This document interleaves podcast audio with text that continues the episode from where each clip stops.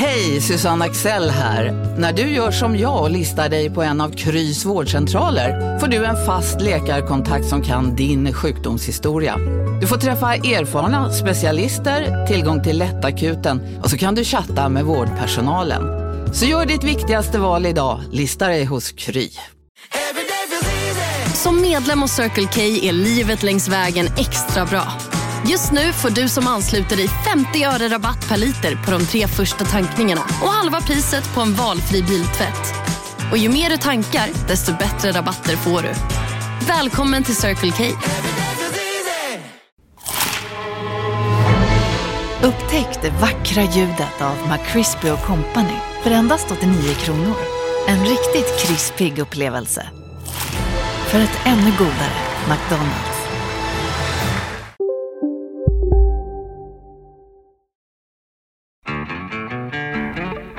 Lördagsgodis med Elving och Ringart.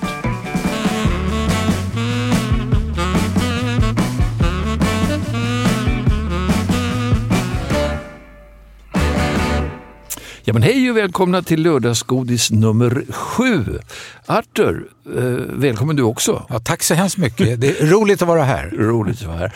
Själva veckan som har gått har Ja. varit bra och den som kommer blir ännu bättre hoppas vi. Ja, men vi, vi vi har ju varit i tv. Vi var med och hälsade på hos Anna Brolin på TV4 och programmet Efter fem. Där hon ville tala om podden som vi har och det tyckte jag var trevligt för att det visar att det finns intresse för den här publiken som vi vänder oss emot. Oss som är livserfarna. Vänder oss emot? Ja, nej, vänder oss till då. Sorry, sorry. vi som är livserfarna. Att det finns ett intresse för det och det är ju Mm, bra. Och det är en stor publik. Det är en tredjedel av Sveriges befolkning. Och det är fler och fler som lyssnar får vi veta nu. Det är jättekul. Ja, så vi- har varit i tv. Ja, och det är fler som har varit i tv i veckan, kanske med ännu större framgång får vi väl säga. Såg du Loreen?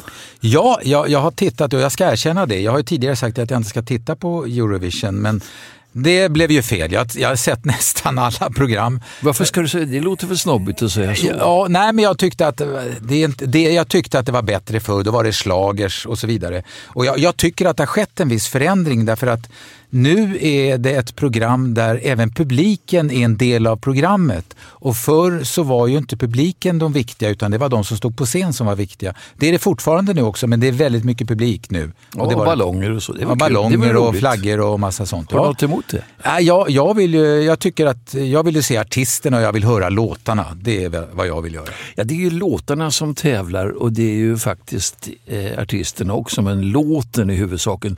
Därför tänkte vi fokusera på låten Tattoo som vann. Grattis Thomas Gesson som skrivit låten. Tack så mycket. Det är många som har gratulerat dig nu antar jag. Hur har veckan varit? Ja, det har varit en, eh, en fantastisk vecka. Underbar. Va, vad, har, tack. vad har du för koncept? För du har vunnit Eurovision, tror jag, fyra gånger. Nej, Eurovision har jag vunnit två gånger. Jag har vunnit den svenska Den- Melodifestivalen fyra gånger. Ja, ja jag, jag, jag räknade fel där. Eurovision, men du är rekordhavare i alla fall i antal låtar under åren. 25 år har du hållit på. Ja, precis. Hur många låtar har du haft med? 69 låtar är det. 69? Låter helt, låter helt sjukt när jag säger det själv tycker jag. Ja, men det är fantastiskt. Och då kommer man ju fram till det Arthur eh, undrade här. Vad, vad är hemligheten? Du har hittat nyckeln till det här på något sätt. Hur ser den ut? Ja, men jag tror att eh, nyckeln är att man tycker att det här är kul. Att man gillar att hitta nya ingångar på nya, nya låtar, nya artister som eh, känns roliga och att man skriver med låtskrivare som är superduktiga, minst lika duktiga som en själv och som är trevliga, sköna personer som man... Eh, som, man umgås ju väldigt mycket när man håller på att skriva de här låtarna. Så det är ju trevligt om man kan eh, umgås efteråt, man tar en middag, sitter och tjatar. Det är liksom eh, också väldigt viktigt tycker Är det jag. viktigt vem som gör låten eller skulle Tattoo till exempel kunna framföras av vem som helst? Den skulle kunna framföras av många men det är ju ingen som skulle göra det så bra som du vet. Det är ju, det är ju helt såklart. hur, hur går det till när du får ett uppslag eller en idé? Eh, är du ute på stan och handlar eller eh, sitter du på muggen? Hur, hur går det till? Ja, det kan vara på olika sätt. Det kan vara eh, när man går omkring i trädgården här och fixar. Och, men eh, då är det oftast beroende på att man har fått något, eh, ja, någon vink om någon som söker någon låt eller som är vill ute efter någon, någon typ av låt i något sammanhang och då kan man ju, då startar hjärnan igång lite och börjar fundera och då kan man komma på någonting men ofta är det att man sitter med någon annan. Jag är väldigt ofta i Stockholm och skriver med Jimmy Jansson och Bobby Ljunggren och Peter Boström. Och då sitter man där och då bollar man ju och då, då får man idéer när jag sitter där. Sitter ni, och klinkar, sitter ni och klinkar på piano då eller klinkar på gitarren och så säger du ja, om man gör så här då? Ja, typ. Det kan vara så. Det kan vara att man har något, något litet track som någon har börjat på i eh, något arrangemang som man, med skiss och man kan börja från ingenstans och man kan ju... Det går till på helt olika sätt varje gång. Man måste du är ju fenomenal. Eh, hur har ditt låtskrivande utvecklats tycker du? Om vi talar om Mellon framförallt nu. Eh, har det gått mycket från slager till pop eller hur har det sett ut? Ja, det har ju, det har ju Mellon i sig gjort. Mm. Och eh, jag har försökt att följa med i utvecklingen och eh, också skriva med mycket... Jag skriver med dem jag sa det, men jag skriver ändå med, också med nya människor, nya unga människor, unga tjejer, nya som har ny energi och tänker på ett nytt sätt och som man, man själv får eh, energi av och blir...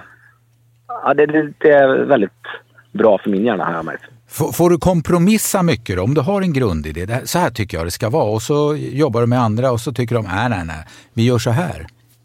Mm, självklart. Det där, om man inte vill kompromissa då får man sitta själv.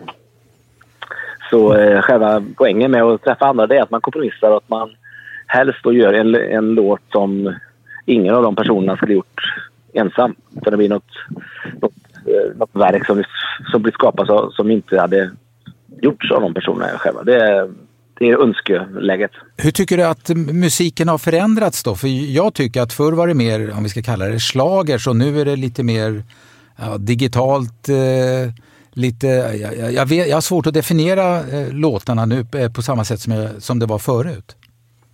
Ja, det som var, förr var det ju för 25 år sedan, då var det ju väldigt mycket, som du säger, slagers. Mycket från Bert-hållet, Skara-slager och sådär allting lät ju så. Men nu, nu är den musiken den är en egen liten nisch. En egen liten genre kan man säga i Melodifestivalen. Som, mm. Det brukar kanske vara med ett par, par, tre låtar varje år som är mer åt det hållet. Resten är ju mer vanlig popmusik som låter som, som låter ungefär på radion eller rock eller hiphop eller sådär. Förr skulle ju låtarna avspegla någon nationell, någon sorts nationell särart, nationella drag eller vad det nu hette i statuterna. Så är det ju inte ja. mycket av, kvar av nu. Vad tycker du om det? Nej, men så är väl inte musiken överlag heller, utan den är ju, allting är ju globalt. Vi har mm. lyssnat ju på amerikanska artister här, men de lyssnar ju däremot på svenska artister där också en del. Så att det är ju, allt blandas ju upp och det, Nej, jag tycker det är bra. Jag tycker man ska behålla den särart som finns naturligtvis. Och eh, sjunga lite på svenska till att börja med. Du, hur, vad händer nu då? Nu har ju du än en gång vunnit Eurovision. Sitter du nu eh, i vardagsrummet och cashar in? Va? Pengarna bara rullar in, eller? Nej, det, nej, det är det inte. Man, men man är väldigt inspirerad däremot. Så man är ju, nu har jag varit, varit borta mycket, två veckor här i Liverpool och sen innan dess var det ju sex veckor på turné med Melodifestivalen. Så man, man har inte hunnit skriva så mycket låtar. Så man har ju ett uppdämt behov där och jag är väldigt sugen på att sätta igång och skriva låtar igen. Och du är sugen på en vinst igen nästa år va? Det är jag alltid sugen på. alltid. du hade ju faktiskt tre låtar till med i år, vilket är enormt bara det. Det var Teos eh, Släpp alla sorger, nej Mer av dig heter den. Det var Släpp alla sorger med Nordman och One Day med Mariette. Vilken har du tyckt bäst om av de här fyra som du hade?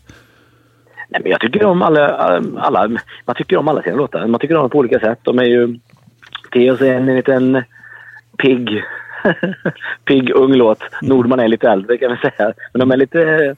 Ja, de är olika. De är bra på sina sätt. Och Mariette eh, har jag jobbat med flera gånger. Jag tror att vi har eh, tävlat tillsammans tre gånger i svenska, jag och Mariette. Och eh, hon tycker jag är en grym sångerska. Mm. Så jag gillar alla tre. Det blir det, som, det som dina barn ungefär då? Ja, men det blir så. Man, man tycker ju om dem. Kan man säga att det är tävlingsmomentet som inspirerar dig, eller har jag fel där? Nej, men uppenbarligen måste det nog vara någonting att det är kul att tävla för det, det är ju en tävling, dels när man har fått med låtarna, men det är en ännu större tävling innan låtarna har kommit med. Det som inte syns ut, utan alla, alla låtskrivare skriver låtar till samma artister och artisterna till slut väljer någon låt som de ställer upp med. Och det är ju en väldigt stor tävling innan det. Du, det är mycket tävlingsmoment. vad sa du?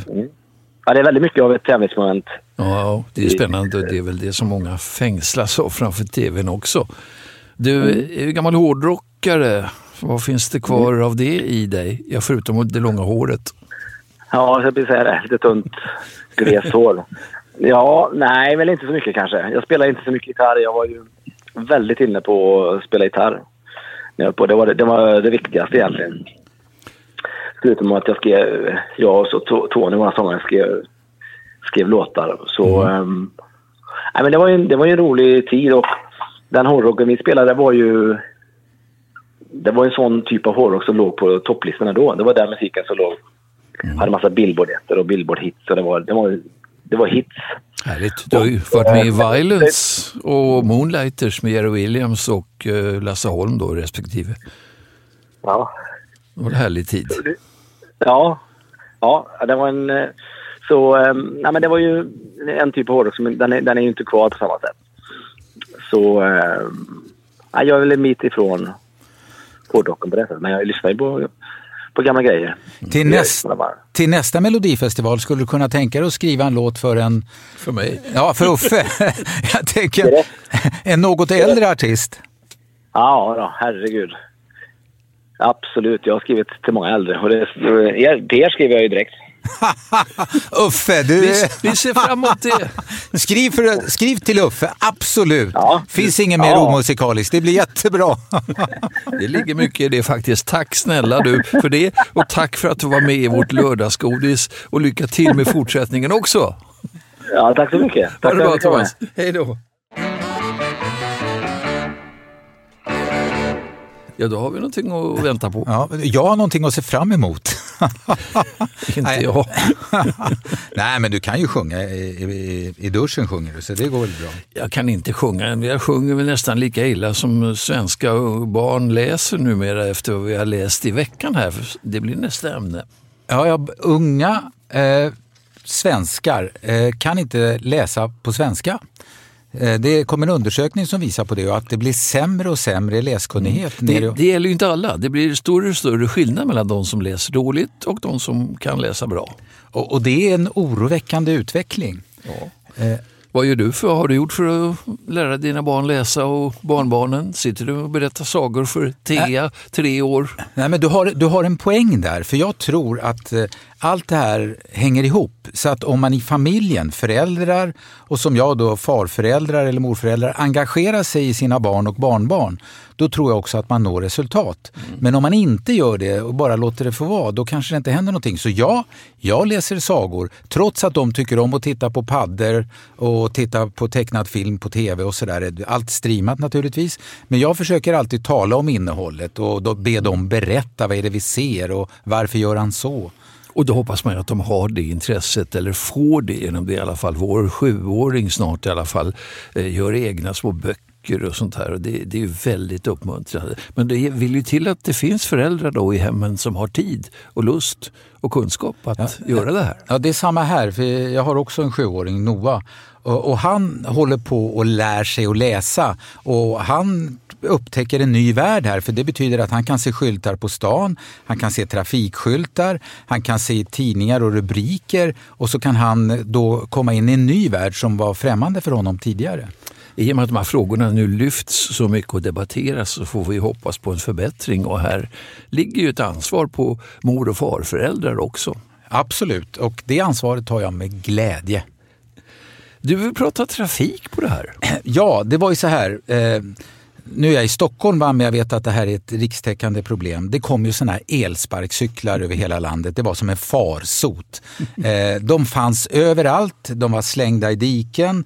Eh, de stod uppställda på trottoarer och utanför ingången till restauranger. De fanns, och så körde de som hade de här elsparkcyklarna, de körde som idioter. De körde på eh, övergångsställen, de körde på trottoarer och körde zigzag mellan människor som gick där. Men eh, här i Stockholm, jag tror att på andra del, i andra delar av landet har man åtminstone åtgärdat det och just nu så tycker jag att det börjar se riktigt bra ut för det finns speciella parkeringsplatser för elsparkcyklar. Det är bra för de står där och de åker inte på trottoarer, de som kör de här elsparkcyklarna, utan de åker som cyklar ska göra i trafiken på cykelbanor. Och jag då sån här, ja, ordning och reda och jag tycker att äntligen någonting som har blivit bra. Någonting som jag klagade och gnällde på tidigare. Tack för att du har gjort det då och grejat det här. Det var ja, det... snyggt, snyggt jobbat. Nej, det, det, är inte min förtjänst utan du... det, det är en eloge till de politiker som har vågat fatta viktiga och riktiga beslut. Jag skulle gärna åka på sån där. Det skulle vara väldigt, det ser väldigt kul ut faktiskt men jag skulle förmodligen ramla av. Så det... Ja, du ska undvika, ja, jag du ska undvika det. Jag gör det också. Hej, Synoptik här. Livet med glasögon ska vara bekymmersfritt. Därför får du 30% på alla glasögon när du väljer Synoptik All Inclusive. All service ingår alltid. Välkommen till Synoptik. Big Mac har miljarder fans över hela världen. Under mer än 50 år har den skapat popkulturell historia. En legend med 100% nötkött och den mytomspunna såsen. Nu finns Big Mac för bara 39 kronor på McDonalds. Hörni, gänget! Vad är vårt motto? Allt är inte som du tror. Nej, allt är inte alltid som du tror. Nu täcker vårt nät 99,3 procent av Sveriges befolkning baserat på röstteckning och folkbokföringsadress. Ta reda på mer på 3.se eller i din 3-butik. Du, en sak man ska undvika också är ju då eh, vissa former av godis som har kommit som är direkt hälsovårdligt. Det kanske gäller väldigt mycket godis. Men det här är ju ditt favoritämne. Du älskar ju godis. Jag vet ingen som går och nallar i godisgårdarna som du när, när du kommer bort. Det, det jag kan erkänna, det är ett problem eftersom jag har också det som man kallar för åldersdiabetes, diabetes typ 2. Så jag ska definitivt inte äta godis. Varför gör du det? Därför kan att inte jag, låta bli? Jag har dålig karaktär. eh, och, och, det är bra. Och vår, och vår podd heter ju Lördagsgodis, men det gör den för att vi ska kunna ta upp vilka ämnen som helst. Och därför tycker jag att vi tar upp ämnet godis. Ja, för detta lördagsgodis ska man inte undvika som du lyssnar till just nu. Du har en, en eh, expert på godis, kan man säga så, på gång här. Ja, han har i alla fall skrivit en bok om eh, godis där vi svenskar är exceptionella i världen. Vi äter mest godis nästan i hela världen per capita. Med mer än dubbelt så mycket som man gör i övriga Europa mm. per capita. Det är du som drar upp det där. Ja, ja. Eh, alltså du drar upp siffran. Ja, ja, ja, absolut. Nej, men det är vedertagna siffror och det vet också André Persson som vi ska tala med nu. Hej, hej. Två böcker har du skrivit om, eh, ja, en om godis och en om godisdrycker. Kan du berätta om dem? Ja, energidrycker, precis. Energidrycker. Mm. Vi, kan, vi kan börja med godis. Varför skrev det, den boken heter Godis åt folket? Vad menar du med det? Ja, nej men jag såg en eh, rubrik i Aftonbladet tror jag det var. Det här är ju några år sedan nu, men det var väl påsken 2009 om att vi var bäst i världen på att äta godis. Jag tyckte det var en lite rolig rubrik och, och det väckte min nyfikenhet. Bäst, Därför ja. så vill jag ta reda på det, hur det låg till. Varför är det så att vi just i Sverige äter så mycket godis? Utöver det att det är plockgodis. Ja, tillgängligheten. Tillgängligheten är nyckelordet. Eh, det skriver vi om i boken att eh, godis är eh, spontaninköp. Eh, det föds i stunden. Det ska dyka upp på lite olika platser där man inte förväntar sig. Nu är det väldigt mycket godis i hyllorna på väg mot kassorna. Eh, och plockgodis kom ju då i början på 80-talet och där kunde vi se när vi skrev boken att där tog vi ett skutt i konsumtionen. Vi, fördubb vi har fördubblat vår godiskonsumtion på ungefär 40 år från 8-9 kilo per person till ungefär 17 idag eh, per person och år. Så det är den stora anledningen. Vad jag förstår så är godis en bra affär för eh, både för de som producerar men också för de som säljer i butik. För jag har ju koll på priserna eftersom jag är en liten godisråtta.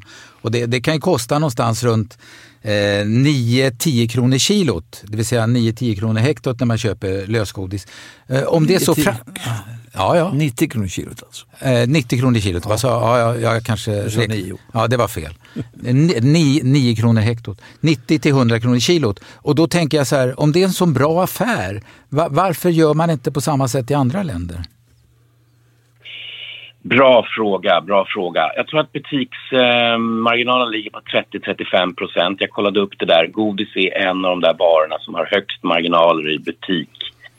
Eh, jag har faktiskt inget bra svar på just det här med plockgodiset, varför det inte funkar i andra länder. Men jag ska inte säga att det inte fungerar i andra länder därför att det finns väldigt mycket plockgodis, svenska företag som har eh, tagit ut det här butikskonceptet till andra länder. Men där det funkar, så vitt jag förstår, där det funkar bäst så är det i nordvästra Europa där man har en stark godiskultur. Södra Europa äter man mer desserter och choklad. Så där har man inte den där psykologiska kopplingen just till plockgodis. Så det är den förklaringen jag har fått och jag vet inte om den är hundraprocentig om man säger så men, men det är den förklaringen jag har fått.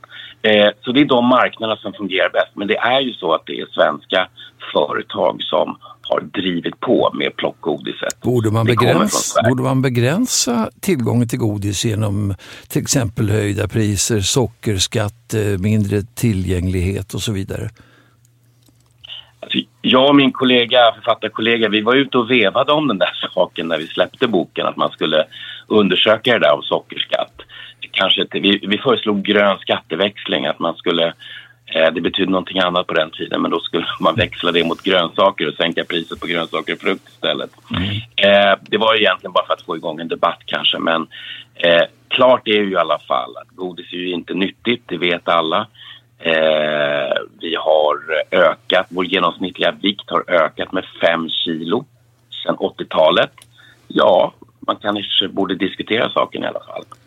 Det, det, får konsekvenser, framförallt när man blir äldre. Det vet ju jag då, att det kan ju sätta sig på massa inre organ och framförallt så hjärtat kan ta stryk och njurar tar stryk av det där.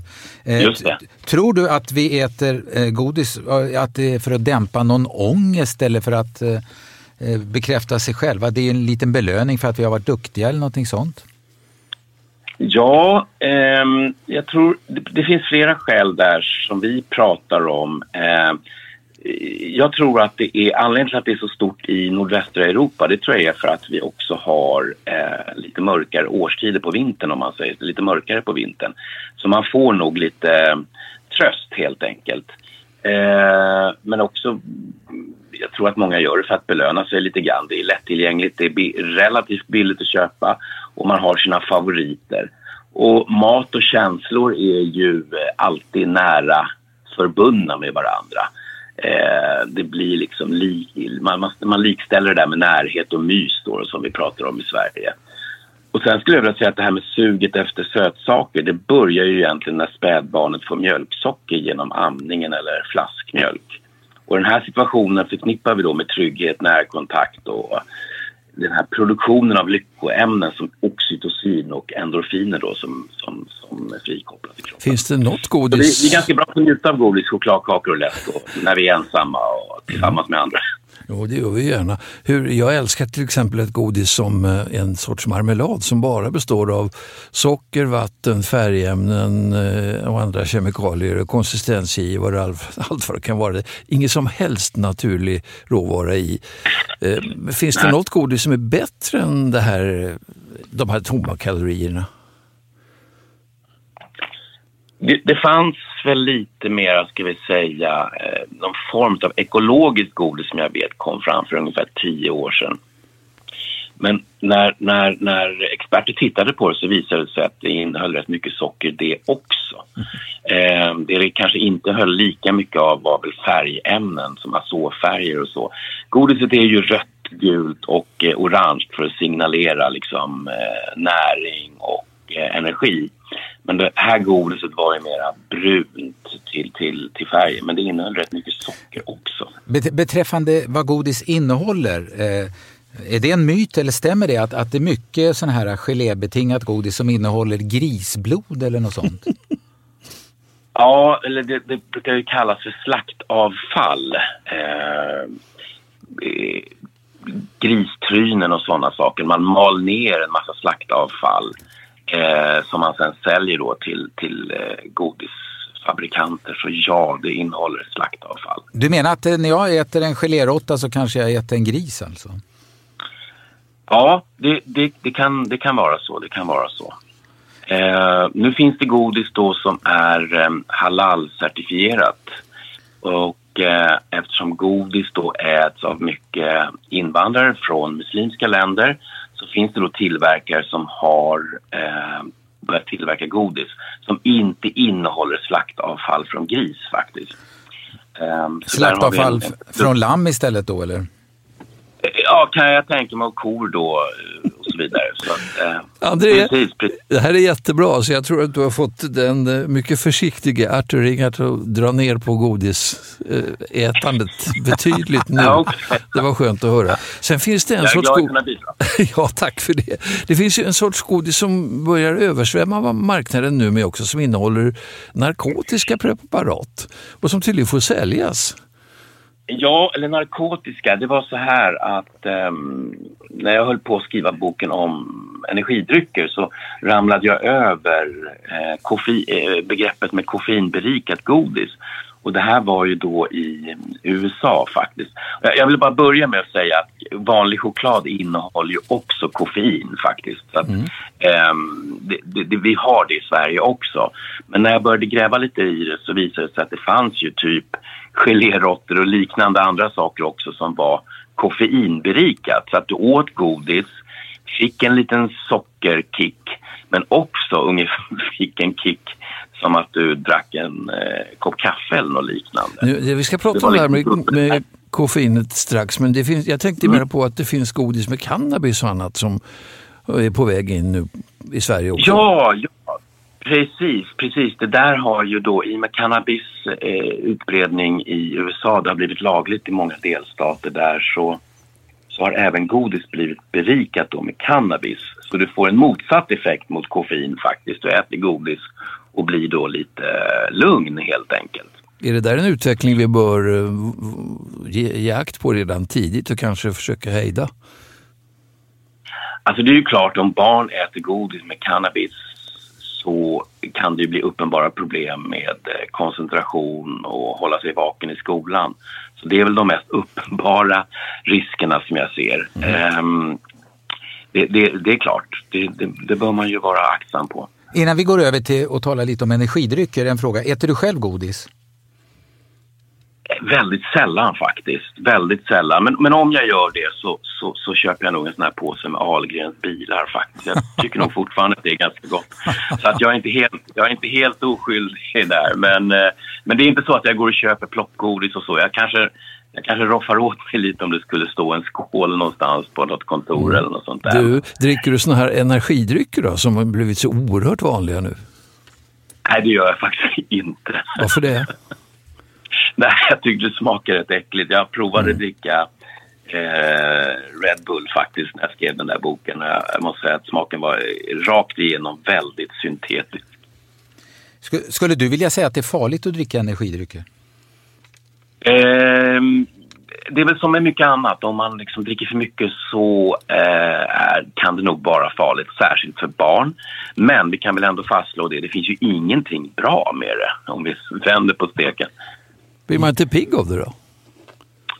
Jo, ehm, det blir man ju, men priset man betalar för det är ju att eh, kroppens inre organ tar lite stryk, även om det handlar om låga nivåer. Men, men, men energidrycken innehåller ju både ganska höga halter med socker. Mm. Det innehåller då som sagt koffein um, och det innehåller andra ämnen som taurin som är dåligt både för hjärta och njurar. Så det är ju en, en, en diuretika, koffeinet, det torkar ju ut dig. Så många har ju missuppfattat det här och dricker det i samband med fysiska sporter. Ja, och i samband med alkohol också. Det var ju ganska vanligt med Red Bull och vodka för 20-30 år sedan.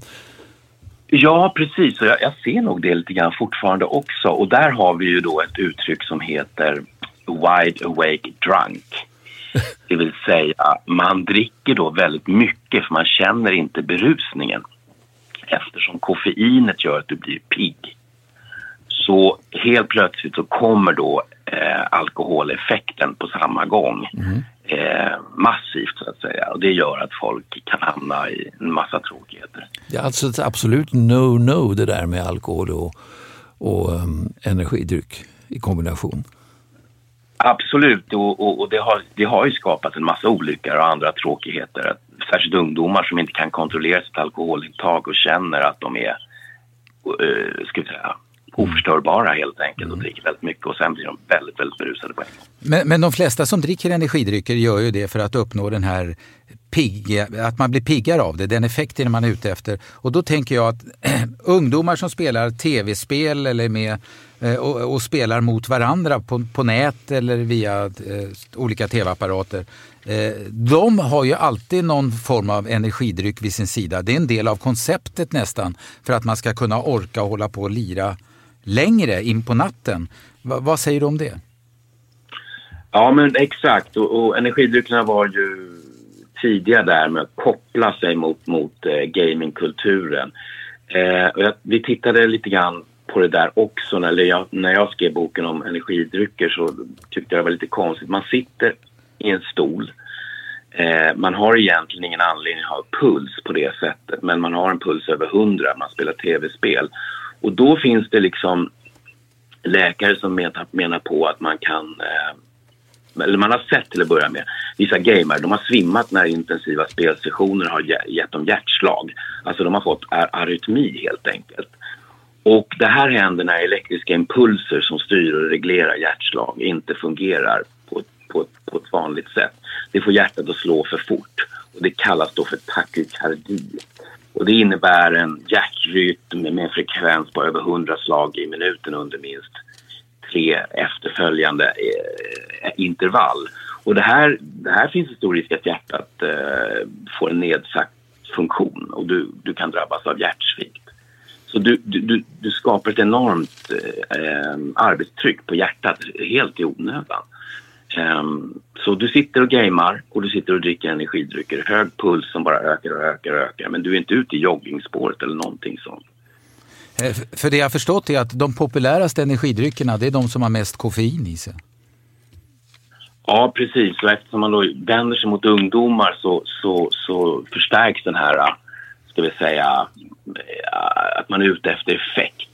Istället för alkohol då, då så, så, så, så, så laborerar man med nivåerna på koffein då istället. André, det har ju kommit en, har kommit en ny energidryck här som heter Prime som innehåller många gånger mer eh, koffein än Red Bull till exempel. Och den, den är oerhört eftertraktad. Den är slutsåld i affärerna och den säljs på svarta börsen för 200, 300, 400 kronor flaskan. Vad kommer ja. det, är, är, borde man sätta stopp för den här? Är det verkligen lagligt? Alltså jag, jag, precis, jag, jag eh, ifrågasätter starkt det där och i Sverige har vi fortfarande ingen eh, åldersgräns. Det är bara en frivillig handlargräns på mm. 15 år. Jag tycker det är lite smått bedrövligt och jag, jag läste om den här drycken Prime. Eh, den har jättemycket eh, koffein, den har alltså 200 milligram per burk. Eh, och det är i vanliga fall dubbelt så mycket än vad vanliga energidrycker har. Eh, en kopp kaffe innehåller ungefär 40 milligram. Eh, så det är ju... Eh, ja, precis. Va? Det är ju det är fem koppar kaffe i en burk. Och tänk dig då om du är 12-13 år. Eh, vi vet ju att unga och barn eh, inte klarar koffein på samma sätt som vuxna. Så det blir ju enorma ADHD-beteenden kopplat till det här. Jag tycker att det borde vara en åldersgräns på 18 år faktiskt. Den varningen har vi nu vidarebefordrat och eh, det där kommer säkert att pratas mer om. André, det var spännande att tala med dig. Stort tack. En liten punschpralin kan man väl kosta på sig i alla fall, även efter det här. Absolut. Tack så mycket för att jag fick vara med och uh, ha en fin dag. Detsamma. Tack och hej. Det,